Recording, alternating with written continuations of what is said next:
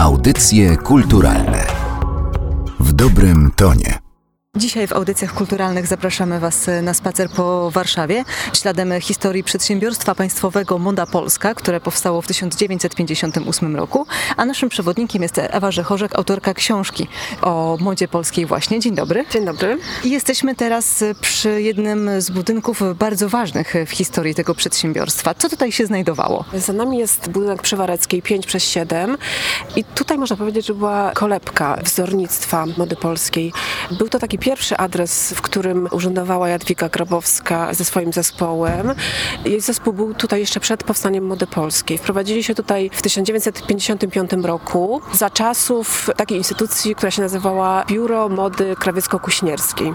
Jest to jeden z poprzedników mody polskiej. Później to biuro zostało przekształcone, czy też nazwa została zmieniona w Biuro Mody Ewa i w 58 przekształcone w modę polską. Tutaj powstawała cała koncepcja. Koncepcja prezentowania linii przez najpierw Biuro Mody, później Modę Polską. I tak było do 1963 roku. W 1963 roku cały zespół wyprowadził się na ulicę Tamka, natomiast w zasobach przedsiębiorstwa ten budynek został, inne rzeczy się tutaj mieściły. Kto tutaj pracował? Pracowała przede wszystkim Jadwiga Grabowska, pracowali konstruktorzy i krawcy. No i z takich ważnych konstruktorów, czy też modelistów, modelistek, jak się mówiło, chodziło o modelowanie szablonów odzieżowych.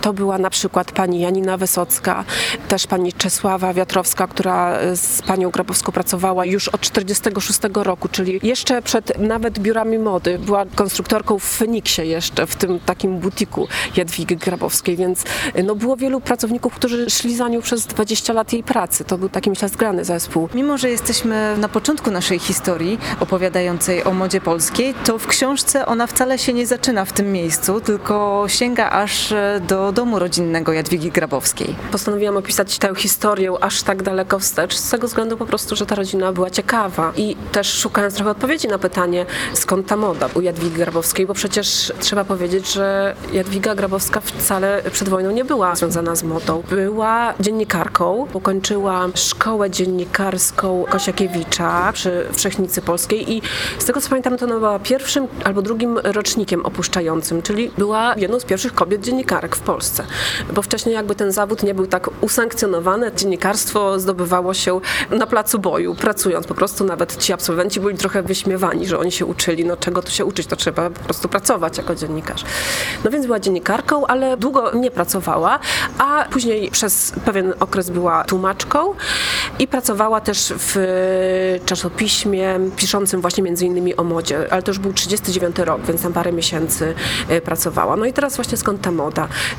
Wydawałoby się takim naturalnym tokiem, myśląc, że sięgamy do matki, tak? I ta matka faktycznie była bardzo pięknie e, ubrana, kapelusze, boa nawet, ale gdy poczytać wywiady z Jadwigą Grobowską, to ona mówi nie o matce, ale o ojcu właśnie, o architekturze, że ojciec, tak naprawdę on był budowniczym, ale ona wyrażała się o nim jako o architekcie, że architektura doprowadziła ją do mody, że tutaj mamy konstruowanie budynków, ona zajmuje się konstruowaniem ubioru. Takie analogie się pojawiały. I przez całe życie ta moda później pani Jadwidze towarzyszyła. Nie tylko moda traktowana jako sposób ubierania się, ale też jako misja. Odbudowa kobiety polskiej. To jest y, hasło, które jej przyświecało chyba przez całą pracę zawodową. Tak, mówiła, że jej rodzina, ponieważ tych architektów w jej rodzinie było więcej, między innymi Edward Eber, też jej brat Edward Cukowski, oni też byli architektami. Ona mówiła, że moja rodzina odbudowuje Warszawę, a ja będę odbudowywała Polki. I faktycznie w 1946 wymyśliła sobie tę misję i ta misja była kontynuowana już nawet właściwie, gdy Jadwigi Grabowskiej nie było w modzie polskiej. Nie wiem, czy ona o to dbała, czy to już tak poszło siłą rozpędu, że ta misja była zapisywana właściwie w bardzo formalny sposób we wszystkich dokumentach, najpierw biur mody, później mody polskiej. Także moda polska nie jest zwykłym przedsiębiorstwem odzieżowym. Ona w ogóle nie jest przedsiębiorstwem odzieżowym. Ona jest przedsiębiorstwem dydaktycznym, czyli ma uczyć. Początkowo, gdy była Jadwiga Grobowska, no to ona kładła też nacisk nacisk na etykietę, nie tylko na ubiór, ale na taką całość, jak chodzić, jak siedzieć. W tym duchu też wychowywała swoje modelki. No ale był też ten aspekt e, właśnie przywożenia wieści z zagranicy, bo moda polska jeździła dwa razy w roku do Paryża i to również była ta dydaktyka, że oni jadą, gdy wracają, to organizują konferencje prasowe i później jakby prasa tę wieść niesie dalej o trendach, bo przecież nie było internetu. Te serwisy prasowe też nie były takie dostępne, bo w latach 60. było jeszcze taki zwyczaj w domach mody, że nawet gdy już publika obejrzała pokazy od Kitir, to później jeszcze był taki dłuższy okres, gdzie nie można było publikować zdjęć. Był zakaz, żeby wzory nie były kopiowane. Więc y, oni wracali i opowiadali tak ustnie, co się będzie nosiło, a później y, podobne rzeczy odszywali i prezentowali na wybiegu. A czy delegacja z Polski była jedyną delegacją e, z krajów bloku wschodniego, która jeździła na pokazy paryskie? Wydaje mi się, że tak, bo w tych krajach tego bloku wschodniego bardziej organizowano tę modę dydaktyczną, bo ona była wszędzie, ale najczęściej w ramach jakichś instytutów. No poniekąd moda polska też była takim instytutem szerzącym tę wiedzę, ale te kraje spotykały się najczęściej w Lipsku, na Międzynarodowym Pokazie Mody w Lipsku. To była ta zagranica. No a jednak moda polska y, wybierała się do Paryża i prawdopodobnie odbywało się to na tej zasadzie, bo Jadwiga Grałowska do Paryża poleciała już w 1947 roku czy 1946. To w swoich dokumentach personalnych pisała, że poleciałam do Paryża odnowić swoje przedwojenne znajomości związane z modą. Więc myślę, że to się opierało właśnie na takich prywatnych, półprywatnych znajomościach, między innymi z prezesem Izby od Kitir w Paryżu. Bo jednak to nie wyglądało tak, że można było sobie przyjść i wejść na pokaz. To było niemożliwe. Trzeba było mieć zaproszenie, być pisanym na listę. Zresztą Grabowska pisała o tych spotkaniach, o tym, że ona chodzi na spotkania i stara się o więcej zaproszeń dla mody polskiej na pokazy Diora, Chanel i tak dalej. Więc Jacques Heim, który był prezesem, te przepustki udostępniał modzie polskiej, no i w ten sposób właśnie mieliśmy dostęp do informacji. I przechodzimy teraz do kolejnego punktu na mapie Warszawy związanego z modą polską. Gdzie pójdziemy? Teraz po drodze mamy Ordynacką 10, czyli pierwszy salon w ogóle mody polskiej, jaki istniał.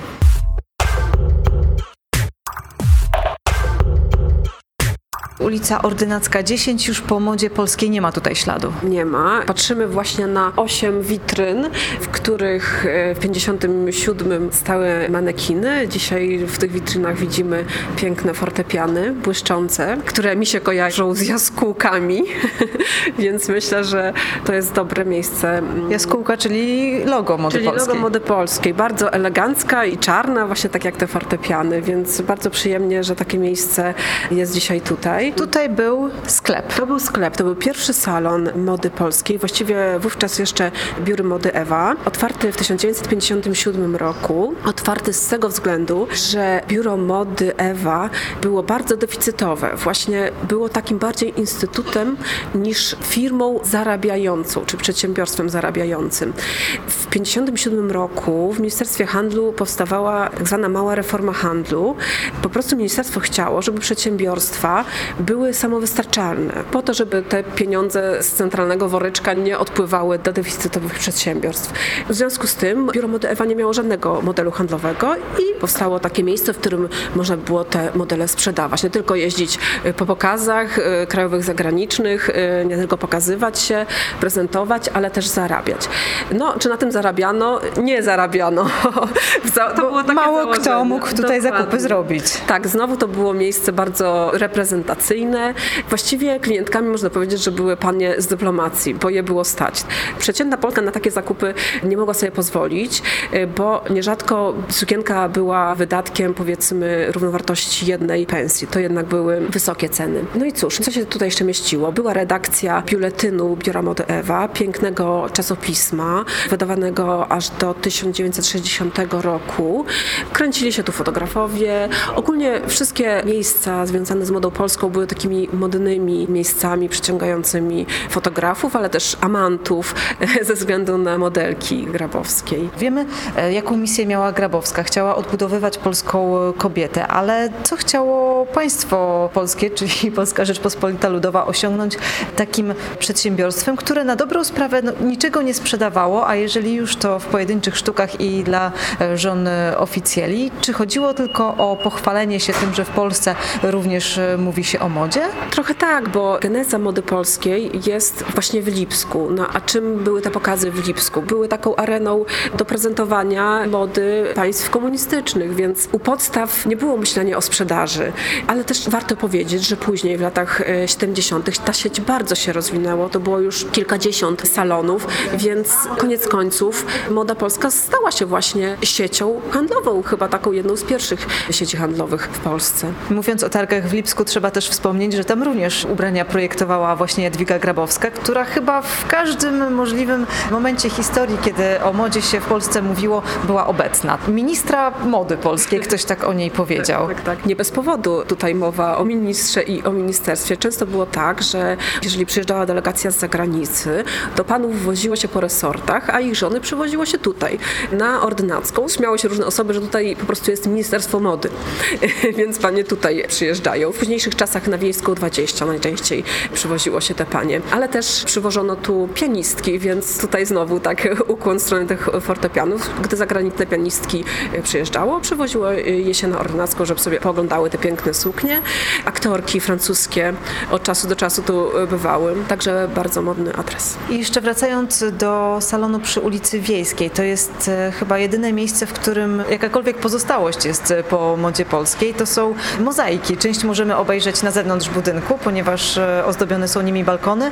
Pozostała część uchowała się w piwnicach. Na Wiejskiej 20 powstał drugi salon damski. W podziemiach zostały płyty ceramiczne, taka okładzina ścienna, projektowana przez Krzysztofa Henisza, wypalana w zakładach ceramiki Cepeli i w tych podziemiach e, była kawiarnia, bo trzeba też powiedzieć, że Moda Polska e, prowadziła kawiarnię, również nakazem ministerstwa, ale nawet to zgrabnie wyglądało, bo po prostu przy filiżance kawy można było sobie obejrzeć pokaz mody, gdyż tam był taki mały wybieg. To był salon, a właściwie dom mody i tak było na papierze. To nie jest sklep, to jest dom mody, czyli taka oddzielna jednostka, mająca więcej uprawnień, na przykład mająca kierownika artystycznego oddzielnego, którym była Wiktoria Popławska, czyli Tula Popławska.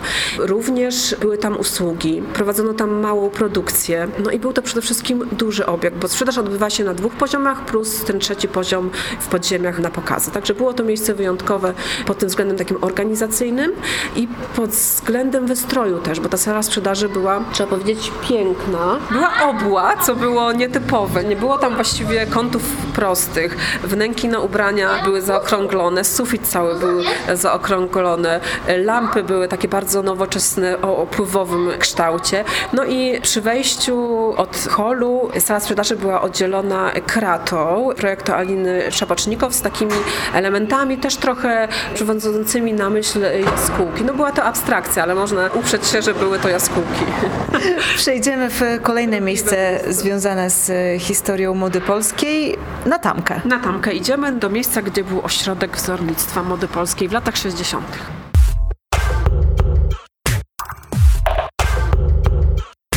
Jesteśmy teraz e, przy ulicy Tamka 49. Tamka 49, czyli pierwszy adres ośrodka wzornictwa, ponieważ w 1963 roku na bazie wzorcowni W, tej wzorcowni wiodącej, wyrósł właśnie ośrodek wzornictwa. Wszyscy specjaliści Grabowskiej przeprowadzili się właśnie tutaj. To jest taki wieżowiec, całkiem wysoki. Moda Polska zajęła parter, który był y, dosyć nietypowy y, w rozkładzie. Bardziej, myślę, był przystosowany do sklepu i nawet jeśli dobrze pamiętam, chyba były jakieś plany, żeby tu był sklep mody polskiej. Z jakiegoś powodu sklep nie powstał, powstał ośrodek wzornictwa. I tutaj był do końca lat 90. Ten parter to jest taki lokal bardzo długi, wąski i pomieszczenia są w amfiladzie. Może tam jakieś ścianki były, ale na pewno nie było drzwi, więc wszyscy mogli mieć ze sobą kontakt wzrokowy i mogli sobie pokrzykiwać, porozumiewać się bez żadnych problemów. Z jednej strony byli byli projektanci, taki no pokoik powiedzmy projektantów, miejsce, gdzie mm, siedziała Jadwiga Grabowska, coś na wzór gabineciku. Z drugiej strony od wejścia siedzieli konstruktorzy i krawcy. I skoro wspominałyśmy o tym, kto jeszcze dla mody polskiej pracował, to o jakich e, nazwiskach e, warto pamiętać, śledząc e, historię mody polskiej? Jadwiga Grabowska przede wszystkim, ale kto jeszcze? No właśnie, siedząc tutaj przy Tance 49, jest to miejsce, gdzie zaczynali młodzi projektanci. Jerzy Antkowiak troszkę wcześniej wcześniej, bo on w 61 roku zaczął właśnie przy Wareckiej, ale tutaj przyszła Kalina Parol w latach 60. do środka wzornictwa przy Damce. Krystyna Dziakowa, która się zajmowała cianiną. Irena Biegańska tutaj zaczynała. Później jeszcze bliżej lat 70. Magda Ignar. To już czasy były ośrodka, później ośrodek przeniósł się na ulicę Marszałkowską. Małgorzata Zembrzuska, która zajmowała się modą męską i takie już późniejsze lata 80. Pani Krystyna Wasylkowska, również moda męska i Katarzyna Raszyńska już jako taka najmłodsza w zespole w latach 80 90 A na ile projekty mody polskiej były odbiciem tego, co ekipa wyjeżdżająca widziała na pokazach w Paryżu? No, y, można powiedzieć, że była czasami wręcz wiernym odbiciem, bo jeszcze istniało takie pojęcie, które wykuła Jadwiga Grabowska, żywy żurnal. Chodziło o to, że gdy już ekipa Mody Polskiej obejrzała sobie pokazy w Paryżu, to później wybierali sobie, dzisiaj powiedzielibyśmy luki, tak? Konkretne luki, które chcieli tutaj zakomunikować w Polsce i tak jakby spojrzeć na ten pokaz mody polskiej, to osoba bardzo się znająca, nie wiem, historyk mody, to powiedziałby, tak, tutaj idzie Dior, tutaj jakiś inny projektant, więc był to taki zlepek różnych propozycji paryskich projektantów, ale to pytanie właśnie o inspirację padało już bardzo wcześnie, już w latach 60., tak? Dziennikarze się pytali, y, dlaczego niektóre projekty tak bardzo przypominają jakiś oryginał paryski. I Jadwiga Grogowska zawsze mówiła, że właśnie oni po to są. Oni są tym żywym żurnalem, że każdy kolejny model na wybiegu jest kolejną stroną w żurnalu. Oni pokazują to, co było w Paryżu, ale nie jest to wierne odtworzenie. Ona zawsze podkreślała, że jest to dostosowane do naszego klimatu przede wszystkim, bo mamy inny klimat i obyczajowości.